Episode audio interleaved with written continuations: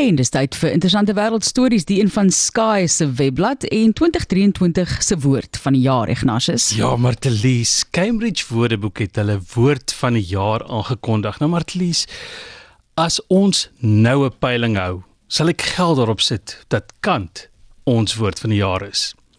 Cambridge is egter nou nie bekend vir hulle Afrikaans-Engelse tweetalige woordeboek nie, so Kant is nie hulle wonderlike woord van die jaar nie. Collins Woordeboek se woord van die jaar is AI, kunsmatige intelligensie. Nou wonder jy, waar kom Cambridge aan hallucinate as woord van die jaar? Hallusineer. Ek beweeg duidelik nie in die regte kringe nie. Blaas nie die regte ringe nie. Ek besef die wêreld se wette raak laks oor dagga. Almal se sampioene is nie op die rak by die supermark se vrugte en groente afdeling nie, maar hulle sineer Die woord van die jaar. Collins Woordeboek het toe tog iets beet. Hallusineer beteken jy is bewus van iets wat nie werklik bestaan nie.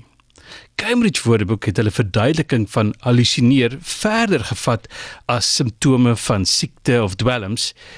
Dit sluit nou die onwaarhede wat kunsmatige intelligensie optis in.